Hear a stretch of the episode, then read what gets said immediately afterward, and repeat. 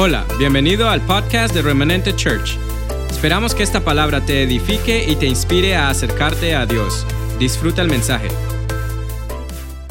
Padre, te damos gracias esta mañana por tu amor, por tu favor, por tu gracia, porque nos amas, porque nos escogiste como hijos, nos escogiste para servirte. Y esta mañana estamos aquí con nuestro corazón abierto para recibir tu palabra, Dios. Háblanos, instruyenos, fórmanos, transfórmanos, impártenos, Señor en el nombre de Jesucristo. Amén. ¿Los niños ya salieron? Okay. Hoy la lluvia, las tormentas hicieron estragos hoy. No fue el arrebatamiento, fue la lluvia.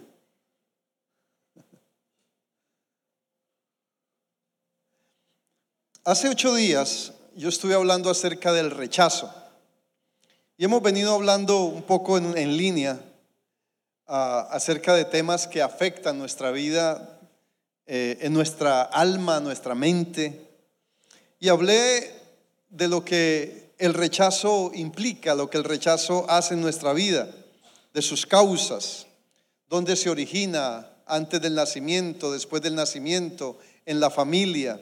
Hablé de sus consecuencias, de cómo el rechazo provoca rebeldía, amargura, eh, manipulación, temor, control. Cómo el rechazo afecta nuestra vida y la vida de aquellos que nos rodean, de aquellas personas que amamos. Y hablé de cómo el rechazo era sanado a través del amor de Dios, cómo el amor de Dios trae amor a mi vida y trae amor hacia otros, cómo el rechazo nos, nos eh, impide amar y ser amados. Pero también hablé de algo muy, muy importante, muy especial, de cómo dice la palabra en Salmo 139, que Dios nos ha hecho maravillosamente y que nuestra alma debe saberlo.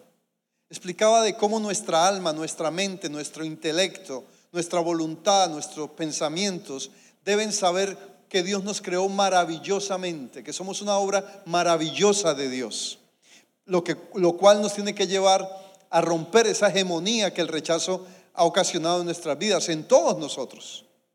Y creo que este es un tema que nos lleva a pensar más allá y me llevó a pensar en el alma. Dios me estuvo hablando durante la semana de continuar en esta línea, en este tema. ¿Por qué? Porque yo creo que el alma contiene las victorias o las derrotas en el ser humano. Que más allá de, nuestra religión, de nuestra fe, de nuestro credo, sea cristiano, budista, musulmán, rosacrucista, gnóstico, ateo, lo que sea, todo individuo, todo individuo necesita lidiar, trabajar con su alma. Y, yo sé que nosotros los cristianos eh, luchamos con áreas de nuestra alma. Hay imperfecciones, ¿por qué? Porque también un día salimos del pecado y el pecado dañó nuestra alma. Pero al mismo tiempo tenemos una gran ventaja y es que conocemos, somos hijos del, del, autor, de, aquel que creó tu alma, de que, del que creó nuestra alma. Entonces yo creo que muchos de los conflictos que nosotros vivimos, las batallas que libramos, las victorias o derrotas que obtenemos se libran en el alma. ¿Por qué? Porque nosotros como hijos de Dios fuimos redimidos por Cristo. Y Él provocó en nosotros un nuevo nacimiento, provocó en nosotros una vida nueva, una vida de transformación, donde hay una promesa para nosotros. Y, y Él es quien directamente opera en nuestra alma. Yo sé que la psicología, lo cual es una ciencia y es buena, trabaja con nosotros, nos ayuda a entender, a, reconocer cosas. Pero yo quiero que usted entienda que las batallas y los problemas del alma no son un problema psicológico, son un problema espiritual. Porque a veces, obviamente, eso afecta a nuestra psiquis, afecta nuestra estructura. Cuando tenemos problemas del alma, nuestra estructura es afectada, nuestra estructura emocional es afectada nuestra voluntad, esa voluntad es afectado nuestros pensamientos, nuestros deseos, nuestro intelecto, nuestras emociones son afectadas cuando hay conflictos. O sea, ¿por qué? Porque eh, el alma es ese recipiente del hombre que requiere ser transformado. Nuestro espíritu ya fue transformado por Cristo. Pero queda el alma y obviamente el cuerpo, porque muchas de nuestras dolencias, muchos de nuestros problemas físicos a, cualquier nivel tienen que ver con problemas radicados en el alma. Entonces esta mañana el Señor ha puesto en mi corazón el hablarte de, de del alma, de cómo sanar las heridas del alma, cómo evacuar todo aquello que hemos acumulado, porque déjame decirte, todo individuo ha sido herido. Tú y yo en cualquier momento de nuestra vida recibimos una ofensa, fuimos afectados, nuestra estructura emocional fue afectada y, hemos perdido el control del alma. Cuando somos llamados a que el alma sea controlada por nosotros. De hecho, por eso David decía, alma mía bendice al Señor. Por eso decía eh, el, salmista en el Salmo 139 que yo he sido una obra hecha maravillosa y mi alma lo sabe muy bien. O sea, es menester que usted le deje saber a su alma, a su mente, a sus pensamientos, a sus deseos, quién es usted en Dios. Es necesario que el alma sea alineada con el diseño de Dios. Pero hemos crecido a veces en, en hogares que, hemos sido afectados, como lo decía hace ocho días, por el rechazo, por las circunstancias, por la pobreza, por el maltrato, por tantas cosas a las que hemos sido expuestos. A veces hasta la abundancia hace daño para muchos. ¿Por qué? Porque no la sabemos manejar. Entonces, hoy quiero hablarte de lo que es la estructura del alma, de qué son las heridas del alma, de, cuál es el origen de los conflictos. Yo, yo le he enseñado que, que cuando mi alma no es procesada, cuando mi alma no es trabajada por Dios, cuando mi alma no es transformada, entonces cuando viene el conflicto, que es la primera, que es la puerta que se abre para confrontar las situaciones del alma, cuando yo no resuelvo el conflicto, el conflicto se me convierte en un problema. Cuando yo, mi alma no es transformada, los problemas que no son resueltos se me convierten en crisis. Cuando mi alma no es transformada, las crisis me, destruyen. Pero cuando tenemos un alma que está sujeta al modelo, al diseño de Dios, está alineada con lo que Dios hizo de nosotros, entonces nuestra alma no dominará nuestras circunstancias, no dominará nuestra vida, sino que seremos controlados por el Espíritu Santo, por el Espíritu de Dios, por nuestro Espíritu. Pero por eso hay una expresión que se usa mucho que es que somos muy almáticos, muy emocionales, otros dirán muy hormonales. Entonces, es menester, es necesario que los hijos de Dios aprendamos a tratar con nuestra alma, que usted hoy conozca la estructura de su alma, que usted entienda que muchos de sus conflictos, de sus problemas, de sus crisis, de sus luchas, de su rechazo o, de cualquier área emocional con que usted batalle, están generados en el alma. Y que es urgente, escúcheme, es urgente que los hijos de Dios entendamos esa estructura, caminemos y trabajemos con lo que somos y dejarnos saber a nosotros mismos que somos una creación de Dios y que es a partir de Dios que nosotros somos restaurados, que somos transformados. Romanos capítulo 12, versículo 2 dice que seamos transformados por medio de la renovación de nuestra alma, de nuestra mente, porque todo está ligado. ¿Para qué? Para que podamos conocer la voluntad de Dios. Si yo quiero saber y disfrutar de lo que Dios tiene para mí, yo necesito que mi alma sea transformada, que mi alma sea cambiada, que mi alma sea sanada, que todas esas heridas, esos conflictos, esos traumas o cualquier área en mi vida que ha sido afectada sea sana para que yo pueda caminar en lo que Dios ha dicho acerca de mí.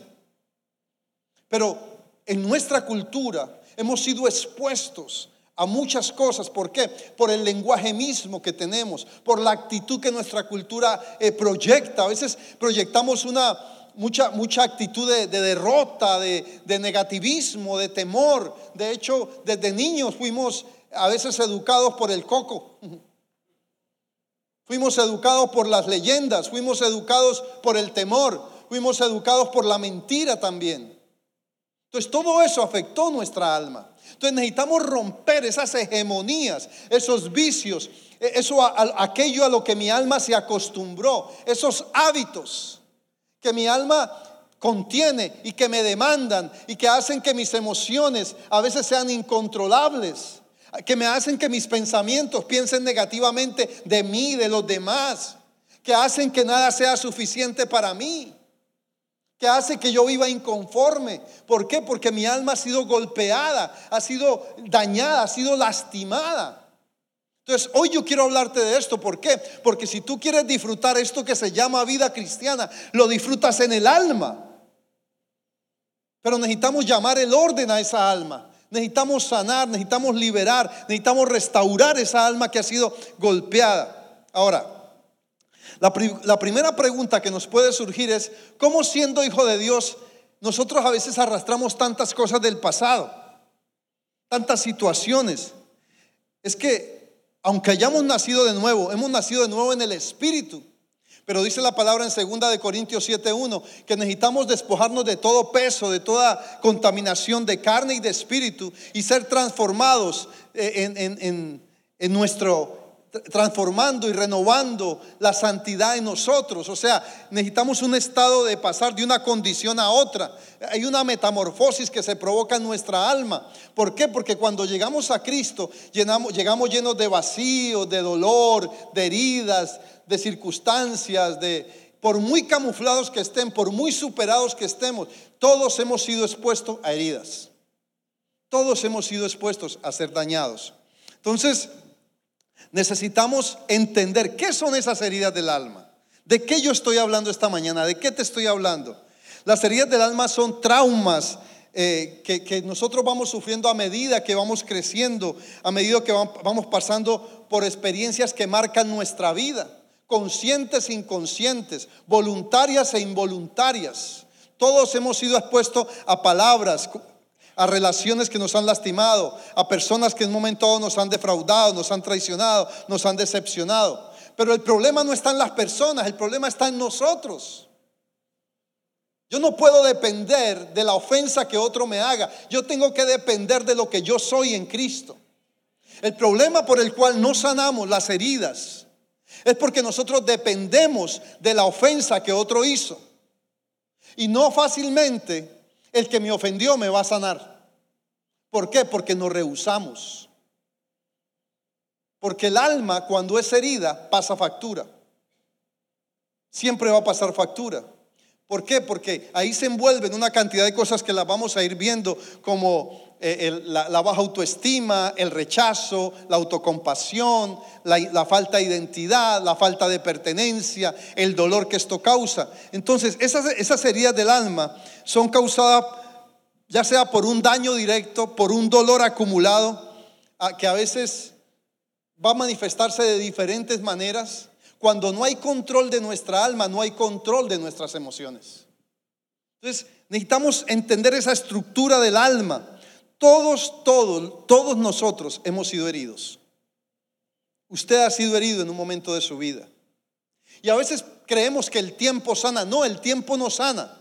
El tiempo está marcado por un cronómetro. El tiempo ni es consejero, ni sana, ni olvida, no. Necesitamos sanar el alma para que entonces podamos desechar los pensamientos, para que entonces podamos crecer en esto que se llama vida cristiana. Ahora, muchos creyentes, hablando del cristiano, viven atados a las heridas del alma, viven aferrados. El rechazo hace que nos aferremos a las heridas, que nos que nos que dependamos de aquellas cosas que nos lastiman. ¿Para qué? Porque el alma cuando está afectada siempre busca una excusa a que aferrarse. Y creamos mecanismos de defensa en nuestra vida. Hay personas que no permiten acceso a su vida. Hay personas con las que no puede haber a veces conciliación. ¿Por qué? Porque hay barreras que se, que se, que se convierten en mecanismos de defensa.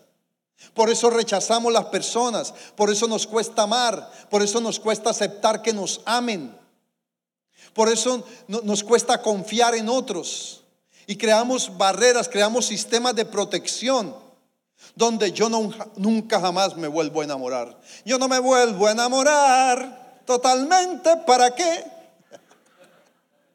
Entonces hay gente que, que vive con esa canción, con ese poema, con ese versículo.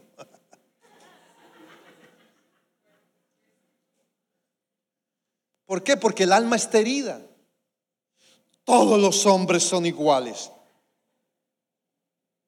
No, habemos unos más bonitos que otros.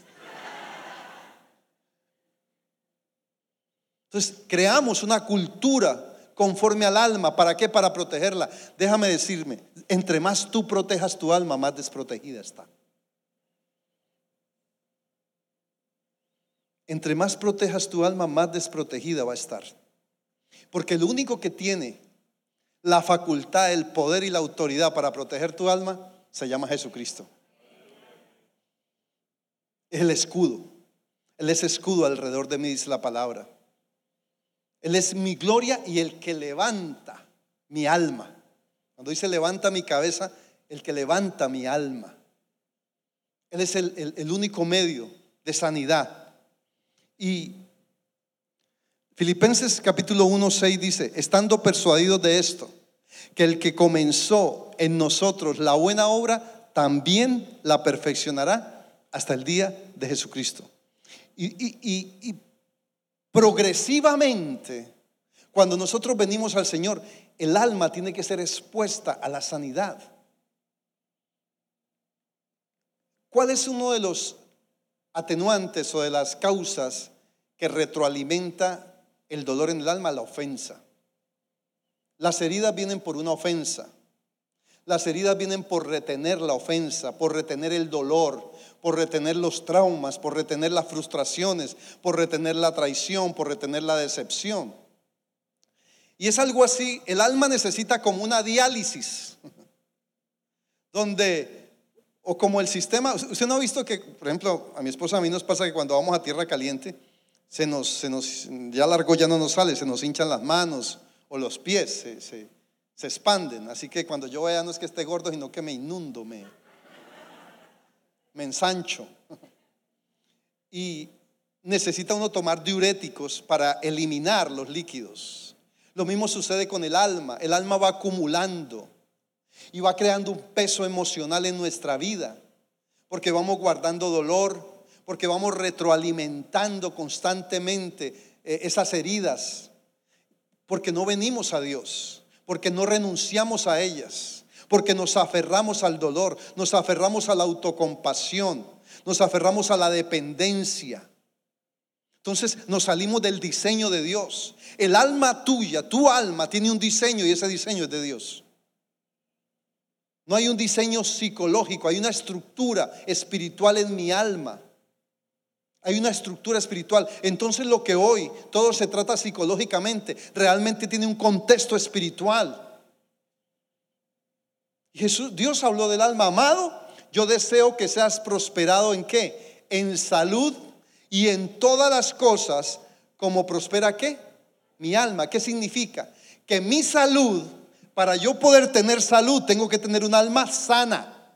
Para yo poder ser próspero, no solamente en dinero, en todas las cosas, en mi matrimonio, próspero en, mis, en, mi vida, en, mi en mi vida profesional, en mi vida de relaciones, ser próspero en mi ministerio, en mi trabajo, con mis hijos. Yo necesito tener un alma próspera.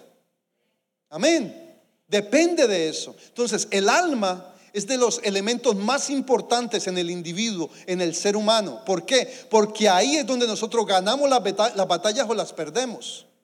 La psicología es importante, es buena, me ayuda a detectar, me ayuda a entender, pero a la final, y me, dará la terapia como para yo aliviar o manejar situaciones, pero a la postre quien me sana, quien me libera, quien me restaura es Dios. ¿Me estoy haciendo entender? Entonces, cuando hablamos de heridas del alma, Estamos hablando de todo aquello que hemos contenido, que hemos retenido, que necesitamos evacuar. Porque eso nos impide ser prósperos, nos impide ser bendecidos, nos impide disfrutar de este caminar, nos impide de, proyectar una vida de éxito, de proyectar una vida de libertad. Ahora hablábamos de que la batalla del Señor y la victoria es nuestra. Claro, la batalla del Señor en nuestra alma. Es la batalla que Dios tiene no es con el diablo, Él ya lo derrotó. La batalla de Dios por nosotros es con mi alma. Porque a quien primero Dios tiene que derrotar hoy por hoy es tu alma y mi alma. Entonces, ¿para qué? Para que yo disfrute de la victoria. Y nosotros cuando nos oponemos entre nosotros, realmente nos estamos oponiendo es a Dios. Nosotros peleamos con nosotros mismos, peleamos entre nosotros. Pero a la final a quien, a quien nos estamos oponiendo es a Dios. ¿Por qué? Porque Dios quiere simplemente que yo saque la mano.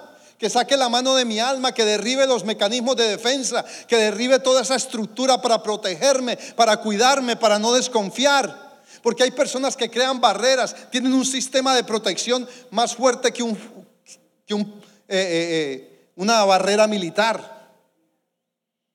Crean, o sea, hay personas que son, mire, yo le voy a decir algo. La persona que es procesada en su alma es dócil. No es débil, es dócil, es diferente.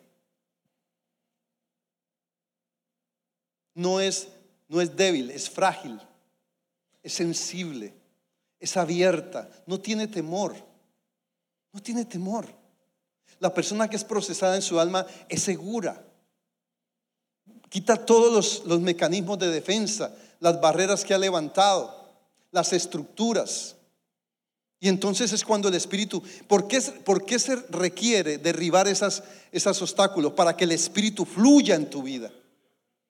Para que seamos realmente transformados. Pero cargamos demasiados vicios. Creemos que la virtud está en desconfiar. Ah, no, a mí nadie me la hace. No, no, no, no, no, no, no, no, no. Eso no es virtud.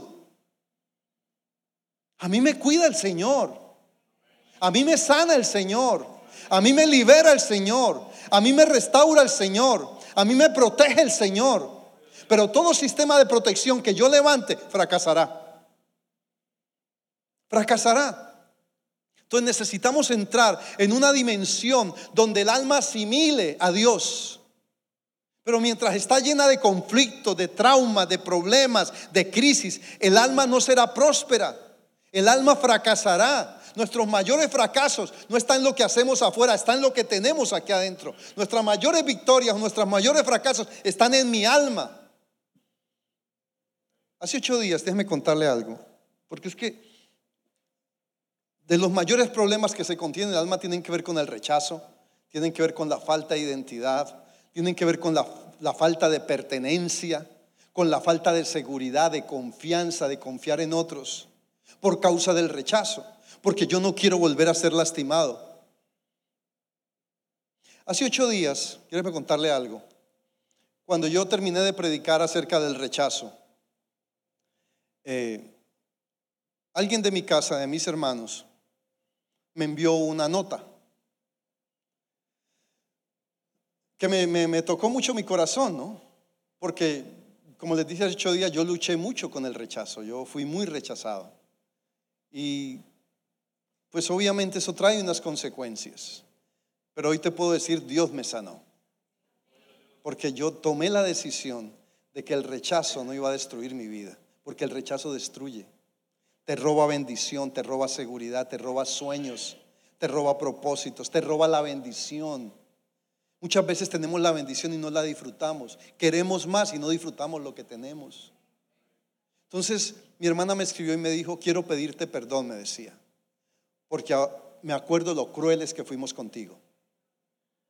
Entonces yo de pronto como que caí en cuenta, me acordé, porque pues una cosa es que uno lo piense, una cosa es que uno diga, ¿por qué hicieron esto conmigo? Una cosa es lo que uno diga, pero otra cosa es que alguien venga y te lo reconozca. Ella debe estarme oyendo, debe estar diciendo sapo. Eh, y empecé a entender lo que Dios había hecho en mi vida. Y yo hoy te puedo decir con sencillez, yo puedo decirte la obra maravillosa que Dios ha hecho en mi vida y mi alma lo sabe muy bien. Yo se lo he dejado saber a mi alma. Yo se lo he dejado saber a mis pensamientos. Yo le he dejado saber a mi alma y a mis pensamientos que nunca más serán presos del rechazo. ¿Por qué? Porque aprendí a no recibir la ofensa. Porque me dediqué por años en Dios a que mi alma fuera sanada. Todavía hay cosas que uno siempre está luchando, pero hoy te puedo decir que Dios, la buena obra que comenzó, la ha ido perfeccionando. Quizá no la ha terminado, pero la ha ido perfeccionando. Y eso es lo que Dios quiere hacer en tu vida. No permitas que las heridas del pasado, que lo que otro te hizo, escúcheme, todavía sea un fantasma que detenga tus sueños. No hay derecho y no hay obligación, escúchame, a seguir ofendido. No hay derecho a seguir traumado. Por otro, suena egoísta, pero tiene virtud que por la ofensa que otro me hizo, yo siga traumado, ¿tiene virtud? Entonces, ¿por qué sigues reteniéndolo? ¿Tiene virtud que por la ofensa que otro me hizo, yo no vuelva a amar? No, entonces ama. ¿Tiene virtud que por la ofensa que otro me hizo, yo no me vuelva a relacionar? No, pero no lo hago porque mi alma está herida. No me relaciono porque tengo miedo a que me lastimen. No me enamoro porque tengo miedo a que se vuelvan a burlar de mí. No abro mi corazón porque no quiero que me critiquen, tengo miedo de que me critiquen. Porque todo esto son afecciones de mi alma. ¿Y por qué la necesidad de sanar mi alma? ¿Por qué te insisto en eso? Porque la mayor batalla del individuo y del ser humano en la tierra hoy por hoy son sus batallas en el alma. Y ahí estamos perdiendo la pelea. No nos derrota lo financiero. Usted ve, salimos como sea adelante. No nos derrota el perder un trabajo o ganar esto o ganar aquello. Nos derrota los conflictos en el alma.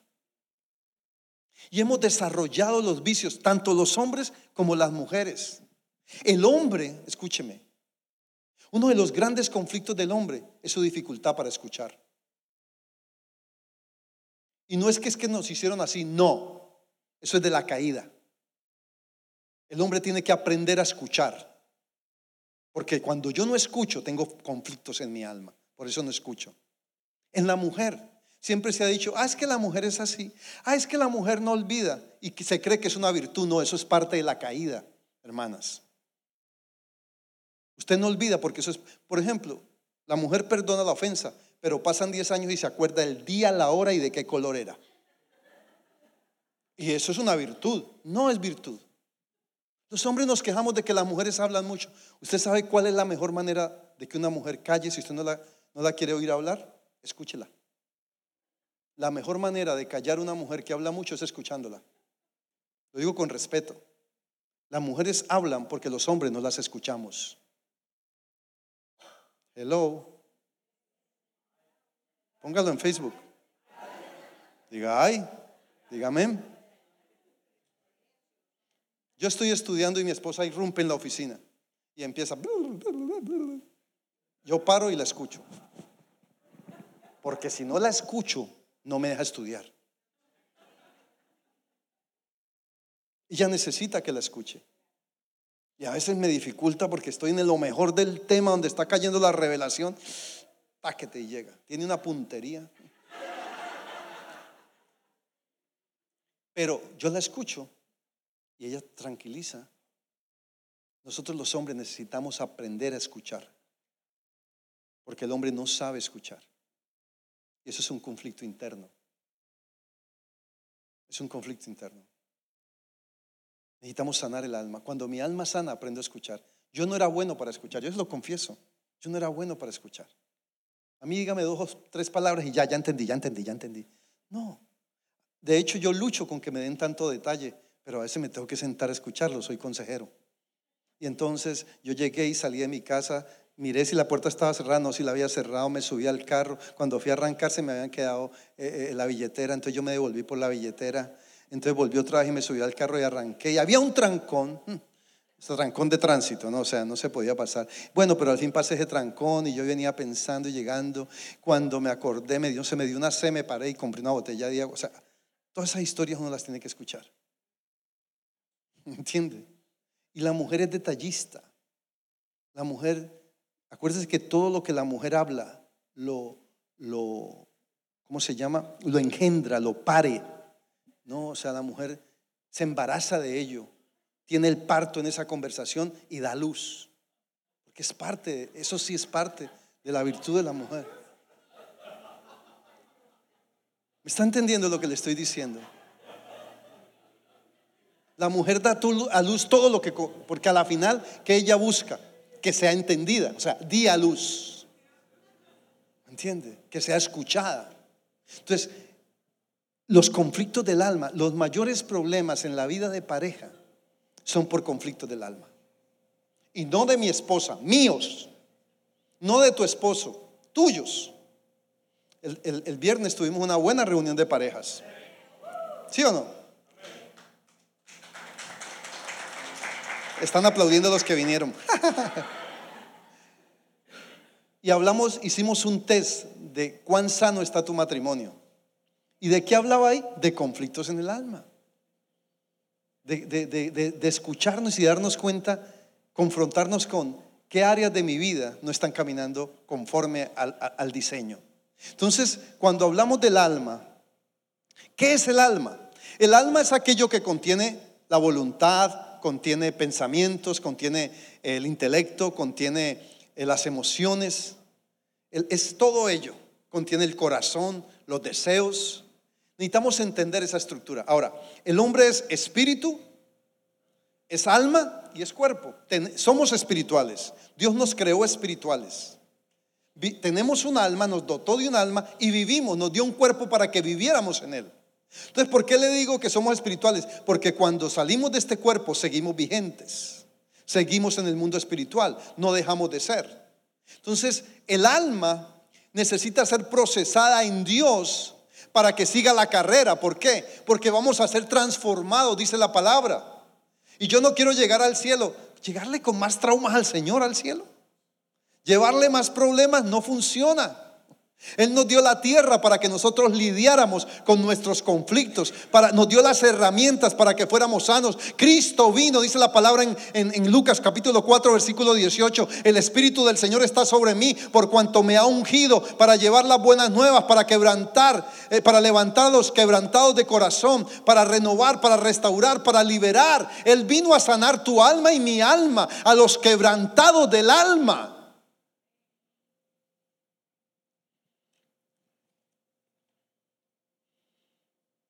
Dos cosas necesarias en el alma, renovarla y transformarla. Renovarla y transformarla. Y eso tiene que ser un efecto constante, constante. Es un proceso constante. Transformados por medio de la renovación de vuestro entendimiento, o sea, de vuestra alma. Fortalecidos en el hombre interior, en nuestra alma. La mayor parte de todos nosotros, los problemas que nosotros tenemos tienen que ver con el alma. La soledad, la tristeza, el enojo, el dolor, la ira, el rencor, el resentimiento, la falta de perdón, la ofensa, tiene que ver con el alma. Ahora, el alma contiene las emociones. Y quiero hablarte de esto porque las emociones hacen gran parte, juegan un papel primordial en los conflictos del alma. Porque las emociones son el instrumento para crear hábitos. Con las emociones es que se crean hábitos, porque hago lo que siento, hago lo que deseo. Una emoción. Cuando yo respondo, escúcheme, a las emociones, constantemente estoy retroalimentando no, no mi verdad, sino mi realidad. Porque las emociones se mueven por la realidad, lo que ven, los sentidos. Las emociones usan los sentidos, lo que ven, lo que oyen, lo que dicen, lo que palpan. Entonces, eso es una realidad, pero mi verdad es lo que Cristo ha dicho acerca de mí. Las emociones no te dejan ver la verdad que te libera. La Biblia dice, conoceréis la verdad y la verdad te hará libre. ¿Cómo soy libre de esa hegemonía de mis emociones? Viviendo mi verdad, lo que Dios ha dicho de mí, lo que Dios ha dicho de ti. Pero si tú estás viviendo es tu realidad, o sea, tus circunstancias, tus problemas, tu dolor, tu tristeza, entonces tu, tus emociones constantemente están creando hábitos. Por eso viene el pecado. Porque es que mi, mi, mis emociones me crean necesidad de algo. Me crean necesidad de pecar, me crean necesidad de, aceptar o no aceptar, de desear o no desear. Me crean, me crean necesidad y entonces voy creando hábitos en mi vida. Y normalmente cuando quebrantamos la ley de Dios, porque las emociones no están muy dispuestas a obedecer la, la, la ley de Dios, entonces terminamos eh, dependiendo de lo que vemos, de lo que sentimos. Y la palabra de Dios dice en Hebreos 5:14 que instruyamos, adiestremos nuestros sentidos en el discernimiento del bien y del mal. Las emociones no son para, ay, Dios me habló, ay, hoy sentí esto, ay, hoy sentí esto otro. No, las emociones son siervas nuestras para disfrutar lo que Dios hace, no para decirnos lo que tenemos que hacer. estoy haciendo entender, iglesia. Entonces, cuando hablamos del alma, necesitamos crecer en nuestra alma, sanar nuestra alma, liberar nuestra alma, restaurar nuestra alma, transformar nuestra alma para que mis emociones no me gobiernen. Déjeme hablar, mire, voy a hacer un paréntesis. Yo le estoy hablando de un tema que yo por años he estudiado. Tengo conocimiento de lo que le estoy diciendo, tengo autoridad para hablar de esto. He vivido esa estancia del alma, de controlar mis emociones, de aprender a decirle a mis emociones que no se va a hacer lo que ellas quieran, sino lo que Dios dice para crear hábitos conforme a lo que Dios dice, no conforme a lo que mis emociones dicen. Porque los hábitos de lo que mis emociones dicen son de la carne. Los hábitos de lo que Dios dice son del Espíritu. Y eso es, ese es el ejercicio que tenemos que hacer. Pero para ello, para yo poder tener una victoria sobre mis emociones, yo necesito entender, conocer la condición de mi alma y aceptarla. Necesitamos aceptar la condición de mi alma para poder ser libres, para poder ser restaurados. Si, yo te sigo culpando a ti de mi problema, ahí voy a seguir enredado. El problema que yo tengo es mío y es mi causa. No es tu causa, es mi causa. Yo soy responsable por mis problemas, así tú me ofendas. Es fuerte. Y si yo sigo siendo controlado por las emociones, voy a pasarme la vida entera buscando culpables y nunca voy a encontrar una solución. Entonces, yo, te voy a decir algo. Yo soy un poco cruel en esto. Suena así como cruel. ¿Por qué? Yo no le creo a las emociones. Definitivamente no le creo a lo emocional. Nunca lo había dicho, pero yo no le creo a lo emocional. Yo le creo a esto. Y no es, y no es religión. No es religión. Yo soy jocoso, ustedes me ven que soy un hombre risueño, soy un hombre alegre, hablo, molesto, juego, cuento chistes, pero eso es parte de mi personalidad, pero no, no de la estructura de mi alma, no de mis decisiones, no de lo que mi alma necesita. Lo necesita para disfrutar, pero no para decirme lo que tengo que hacer. Hay, hay veces que los domingos no quiero venir a la iglesia. A verlos a ustedes otra vez. Mm. Si usted hace lo mismo conmigo, otra vez ir a ver al pastor, hoy voy a descansar de él. No, mentira, estoy bromeando. Pero sé que tengo que hacer lo que Dios me ha dicho que haga, no lo que mis emociones me digan. No lo que mis emociones me digan. Esta semana me ha tocado estudiar. Uy. Y aunque soy un hombre de estudio, me he cansado y, mi, alma me decía, ay, ya, ya, ah, ya no más, ya he estudiado. No, tengo que hacerlo porque tengo un congreso y tengo que ser responsable en eso. No es lo que mi alma me diga, es lo que la responsabilidad en Dios me demanda. Entonces nuestra alma está demasiado acostumbrada a la indisciplina, a las emociones, a los deseos, a los conceptos, a las posiciones. Ah, es que yo soy así. Claro, el alma dice, sí, usted es así. Ah, es que así me criaron. Sí, papito, así lo criaron. Entonces estamos acostumbrados a hacer, vivir y responder a todo lo que el alma nos propone. Pero si mi alma no es transformada, estaré expuesto al fracaso. Esto es serio. Necesito obligar mi alma a que sane. Hay que obligarla. Hay que decirle a mi alma, ya, no más pecado, no más pecado. Mi alma no me puede dominar y gobernar y, vivir y llevarme en una vida de pecado, de vicios, de, molestia, de, inconformidad, de rechazo, de, tanta cosa que, que, cargamos, de resentimientos, de, a toda hora criticar, juzgar, murmurar. Eso es lo que el alma le gusta. ¿Para qué? Para retroalimentar su rechazo, para retroalimentar sus conflictos. Pero necesitamos romper esa hegemonía y dejar que el Espíritu de Dios que está en nosotros fluya. Pero no va a fluir por un alma que pone obstáculos todo el tiempo, que tiene argumentos todo el tiempo. El alma tiene demasiados argumentos. A todos le sacamos una excusa. Cuando yo veo una persona que vive de excusas, digo, este le falta proceso en el alma. Porque el que es procesado en su alma fácilmente acepta la situación y dice, sí. En mi casa hay una, hay una consigna. Acéptelo y, acéptelo y es más fácil. Acéptelo y es más fácil. Lo mejor que uno puede hacer es aceptarlo y es más fácil. Pero ¿por qué son los conflictos del alma? Por los argumentos. Ah, no, pero es que tú, pero es que yo, pero es que no, no, pero espera un momentico, perfecto. Porque es que, ¿de qué es la discusión entre dos personas? Del que el uno dice es culpa tuya y el otro dice no es culpa tuya, no es culpa tuya, es culpa tuya, es culpa tuya, es culpa tuya. Lo más fácil es decir, sí, la embarré, la fundí. Y eso se hace más fácil. Le voy a decir la clave para transformar el alma. Escúcheme esto y nunca lo olvide. Aprenda a humillarse. Aprenda a humillarse delante de Dios. Y si toca delante de los hombres, no importa. Aprenda a humillarse. Porque el orgullo es el mayor, escúcheme, el mayor aliado de un alma fracasada. Y aquí no estamos hablando ni de dinero, ni de, ni de posesiones, ni de toda la ropa que tengo en el, en el... Porque aquí todos tenemos un ropero grande. Yo estoy seguro que yo voy al, al, al closet de cualquiera de las hermanas que están aquí, mínimo hay 20 pares de zapatos.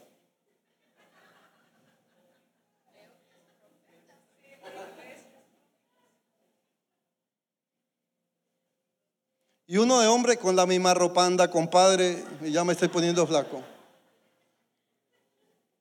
Porque el problema nuestro del alma no son posesiones, es proceso. Necesitamos entrar en la dimensión de lo que Dios ha dicho. Amado, yo deseo que tú seas prosperado en salud y en todas las cosas. Pero espérate un momento. ¿Cómo está tu alma? ¿Cómo está tu alma? Pregúntate, ¿cómo está mi alma? ¿Qué tanto sabe mi alma? Porque es que yo encuentro en la Biblia varias referencias donde Dios nos manda a que le digamos al alma nuestra condición. ¿Cómo está mi alma? Es una pregunta que yo me hago constantemente. Y siempre hablo de esto, porque toca hablar. Siempre me siento con mi esposa, esta semana me tocó. Me sentaron en el banquillo.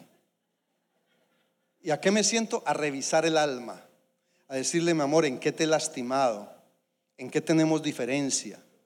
Tenemos que renovar esto, tenemos que cambiar. Y a veces me cuesta, pero tengo que admitir que he fallado. Y a ella también, porque le voy a decir algo. Déjeme explicarle algo y no es crítica. Yo quiero que usted entienda esto.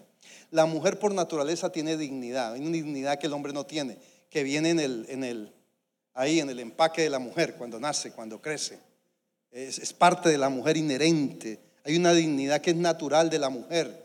Por eso la mujer es más decorosa, es más cuidadosa con cosas que el hombre. El hombre, ah, como caiga. No, la mujer tiene una dignidad. Cuando la mujer ve amenazada esa dignidad, se defiende como gato boca arriba. Y normalmente, por eso es que a la mujer de entrada le cuesta aceptar una falla por su dignidad. Entonces, hombres, si nosotros queremos hacer que una mujer acepte un error, no le ataque su dignidad. Veo la necesidad de conocer. ¿Por qué? Porque eso es parte de la naturaleza tanto del hombre como de la mujer. Si usted quiere que una mujer le acepte un error, empiece por los suyos. Hello. Le estoy dando claves. Si yo quiero que mi esposo acepte los errores, lo único que yo tengo que hacer usted acepte un error y la mujer automáticamente, porque ya no está viendo atacada su dignidad. Habrá sus excepciones, obviamente.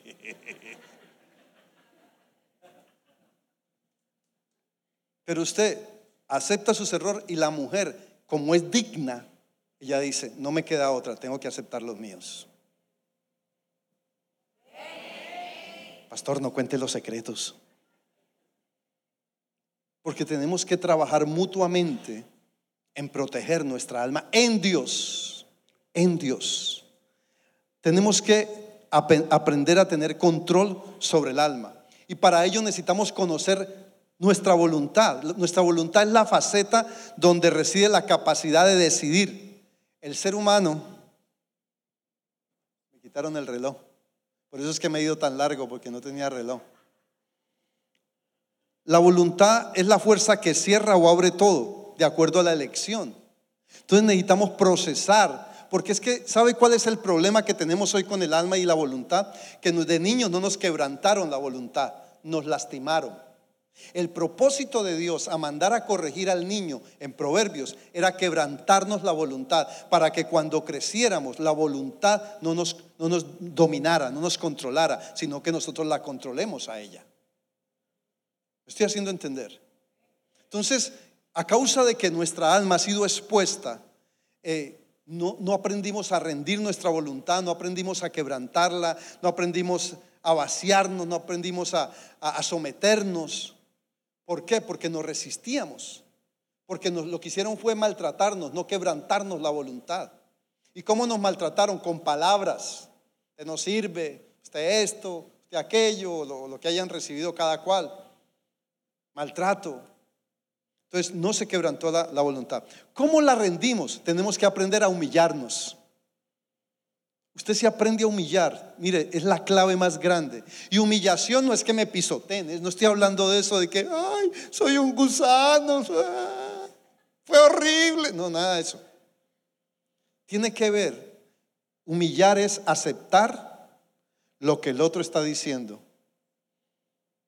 Eso es humillación. Cuando vemos que es clara las cosas. Muchas veces nos dicen la verdad. Mm, somos tercos, somos cerrados. ¿Cómo, quebranto mi voluntad? Cuando hago lo que Dios dice que haga. Eso es quebrantar la voluntad. Ahora, necesitamos romper los mecanismos de defensa. Rapidito termino. ¿Cuáles son esos mecanismos de defensa de los cuales te hablé hace un rato? Autocompasión. Mire, perdone que, hable así. Yo, cuando yo veo la autocompasión, a mí no me mueve la autocompasión. Porque tú no necesitas eso para ser transformado si yo te caigo. Y a veces, ¿qué es lo que sucede hoy en día? Hoy hay un día, hay una cultura de drama. Hashtag drama. Hay una cultura de drama hoy por hoy. Todo es un drama. Todo es un drama. Todo, todo hoy es un drama. Si pasa algo en la calle, ¡eh! la gente, y, y si todo se vuelve un drama. Lloramos con el otro porque no sabemos ni por qué, pero lloremos. ¿Ya? ¿Por qué es que estamos llorando? Ah, Porque yo lloro si tú lloras. Es que mi hombro está para llorar contigo. No, no, no, llore usted, yo lo consuelo, es otra cosa, pero, pero no estamos obligados a llorar. Pero hay una cultura de drama y eso se está intensificando. Cada día se está intensificando. ¿Por qué? Porque con eso se retroalimentan las emociones del drama.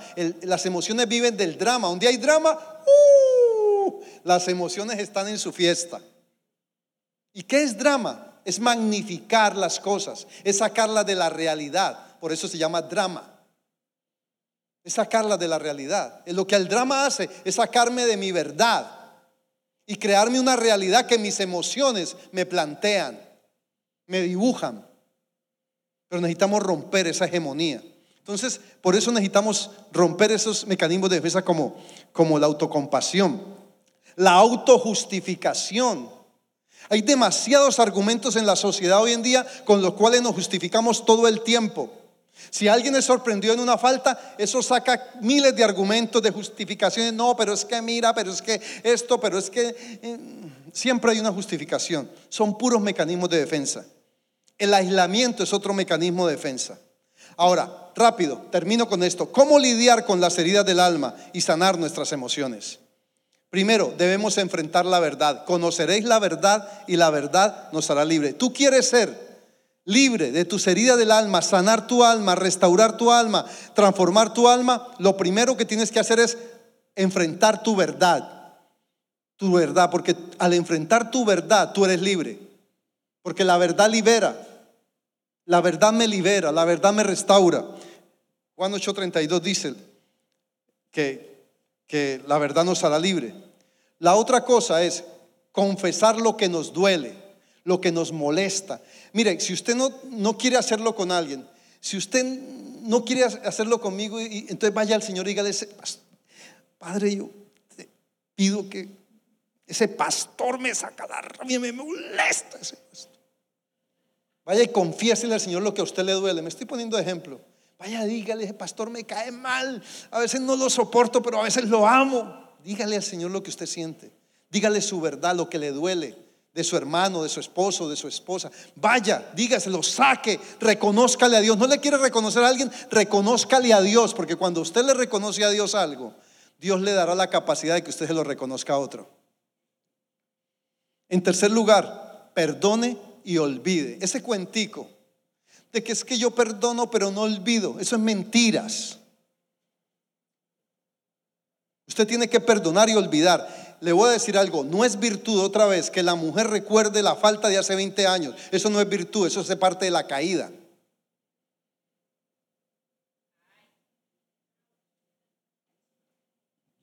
Entonces, usted perdona y la ofensa tiene que irse. En tercer lugar, desarrolle dominio propio. Apréndale a decir a su voluntad quién manda. Dígale a su alma quién manda. ¿Quién manda aquí? Alma mía, bendice. Hey, bendice. Alaba, adora. Alma mía, yo soy una obra perfecta de Dios. Mi alma tiene que saberlo. Mi alma tiene que saber quién tiene el control. Él tiene el control, no el alma, no las emociones no las debilidades, no los deseos. Es Dios quien debe tener el control en mi alma. Lo otro es comprometiéndome, comprometiéndome con Dios, comprometiéndome con una vida sana de mi alma, es trabajar con eso. Y lo último es, por la naturaleza del Espíritu Santo que hay en ti, que mora en tu espíritu, cuando es liberada, trae transformación de tu alma. Si tú sometes tu alma al Espíritu, tu alma va siendo transformada. Hoy es el día en que Dios te trae a la mesa la oportunidad de liberar tu alma, de una liberación del alma, porque a veces ha estado cautiva en el dolor, en los traumas, en las frustraciones, en los resentimientos, en, el rechazo, en la falta de identidad. Hemos estado cautivos, pero hoy el Señor quiere traer una liberación a tu alma, una sanidad a tu alma. Y todos, niños, jóvenes, adultos, ancianos, necesitamos de esa sanidad para que esto funcione. Porque sin ello es el depósito donde Dios trae todo aquello que va a usar en ti. Ahí tiene que manifestarse. Dios lo trae el Espíritu, pero si mi alma no es sana, no habrá, no no habrá fluir. Las cosas no se liberan, no serán proyectadas. Y hoy es un día para decirle, Señor, no puedo más. Sana mi alma. Sáname del rechazo. Sáname del resentimiento, del dolor, de la culpa, del aislamiento, de los mecanismos de defensa, de la autocompasión, de la justificación. Sáname.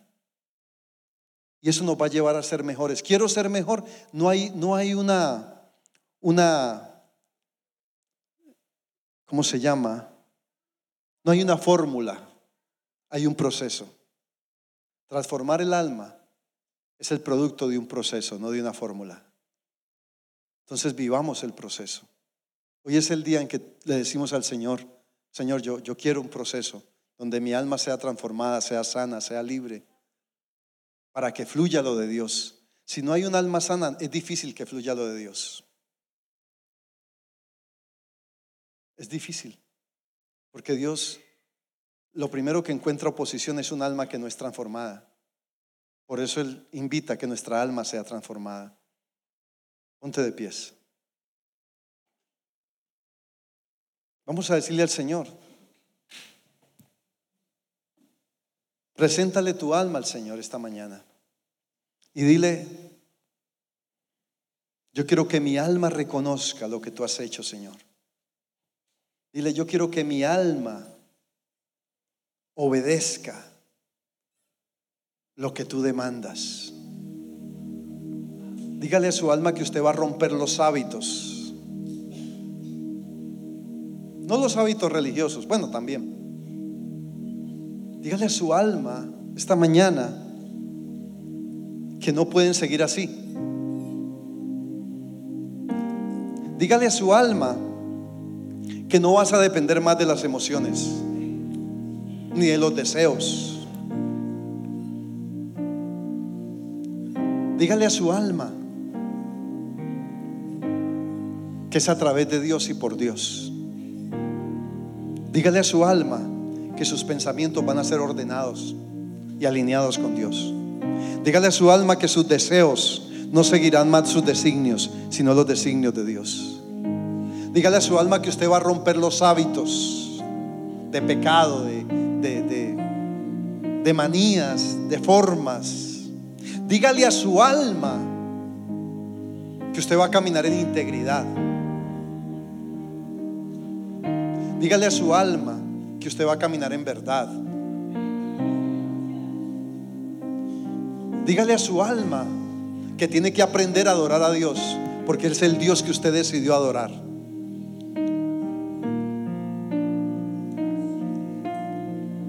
Dígale a su alma que hoy se acaba toda hegemonía de las emociones, de los vicios, de los deseos, de, los conflictos, de las posiciones, de los conceptos que lo mantuvieron atado, que lo mantuvieron cautivo. Dígale a su alma que hoy se rompe toda cautividad en el nombre de Jesucristo. Dígale a su alma que Cristo ya llevó su rechazo Dígale a su alma que Cristo llevó su, dolor, su herida, su frustración, su desconfianza, su temor. Dígaselo a su alma. Dígale a su alma que Cristo llevó su dureza. Dígale a su alma que Él es el Señor de su alma. Aleluya, Señor. Glorificamos tu nombre. Glorificamos tu nombre. Dígale a su alma, vas a ser restaurada, vas a ser transformada, vas a ser renovada. No vas a caminar más por los engaños que me trajiste hasta ahora.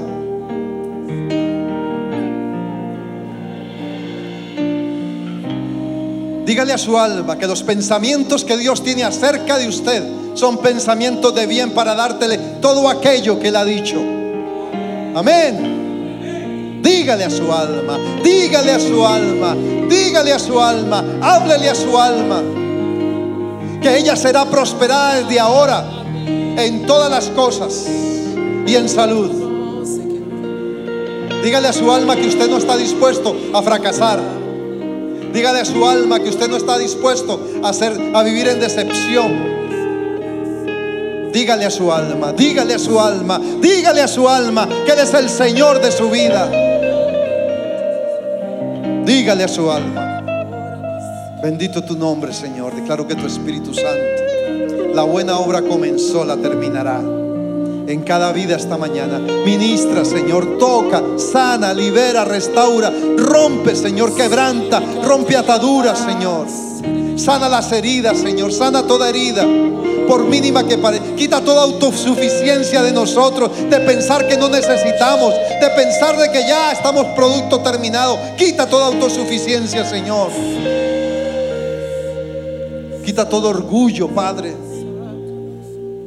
Toda soberbia de nosotros. Se rompe el espíritu de soberbia, se quebranta en el nombre de Jesús en nuestras vidas. Renunciamos al espíritu de soberbia.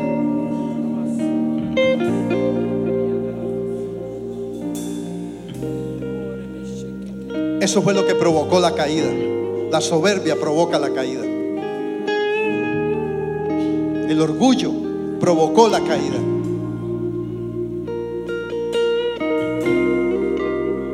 Padre, glorifícate en esta mañana, en el nombre de Jesús. Aleluya. Aleluya. Aleluya. Sanas. Esperamos que este mensaje haya sido de bendición. No te olvides de suscribirte a nuestro podcast y seguirnos en Facebook e Instagram arroba remanente church.